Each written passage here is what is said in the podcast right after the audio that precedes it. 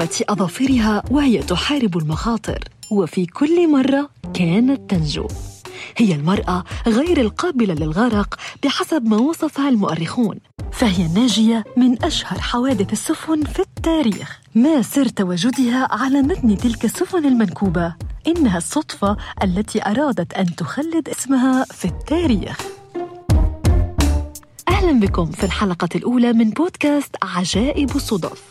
أنا دعاء ضياء الدين وقصتنا اليوم عن فايوليت جيسب غير القابلة للغرق. ولدت فايوليت عام 1887 في الأرجنتين لوالدين من أصول إيرلندية.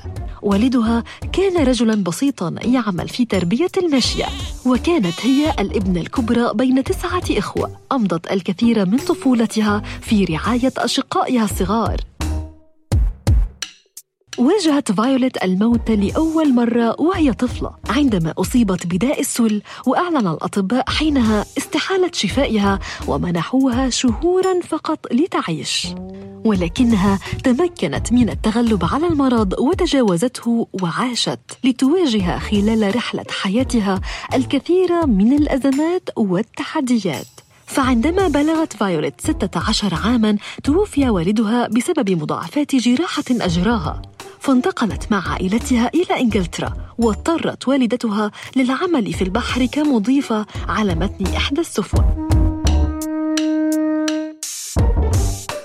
أما فايوليت فكانت تقضي وقتها بين الدراسة ورعاية أشقائها وبقيت على هذه الحال لسنوات حتى مرضت والدتها.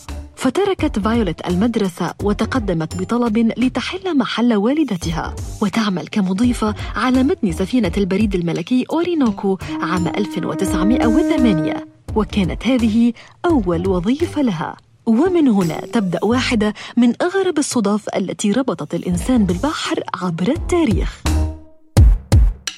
فبعد عامين وتحديدا عام 1910 انتقلت فايوليت للعمل على متن سفينة أولمبيك إحدى أفخم السفن المدنية على الإطلاق في ذلك الوقت. وفي سبتمبر عام 1911 اصطدمت أولمبيك بسفينة البحرية الملكية البريطانية HMS Hawke ولحسن الحظ لم تكن هناك وفيات بالرغم من الضرر الكبير الذي لحق بالسفينة.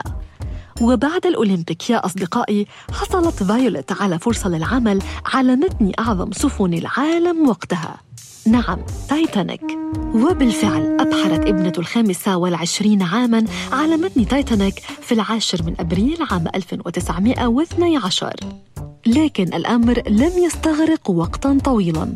أربعة أيام فقط لتصطدم السفينة بجبل جليدي في المحيط الأطلنطي خلال رحلتها بين بريطانيا والولايات المتحدة. وخلال ساعتين غرقت تايتانيك تماما. ولكن فايوليت طبعا نجت. فهي المرأة التي لا تغرق.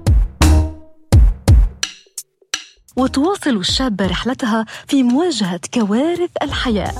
لتندلع الحرب العالمية الأولى أو الحرب الكبرى كما كانت تسمى آنذاك. وحشدت كل الدول المتحاربة جهدها للحرب ونالت فايوليت نصيبها وأصبحت ممرضة في الصليب الأحمر البريطاني. وفي صبيحة الحادي والعشرين من نوفمبر من عام 1916 كانت فايوليت على متن سفينة HMHS بريتانيك التي كانت تتبع شركة White Line وتم تحويلها لسفينة طبية حربية. وفي ذلك اليوم وبسبب انفجار غامض غرقت السفينة.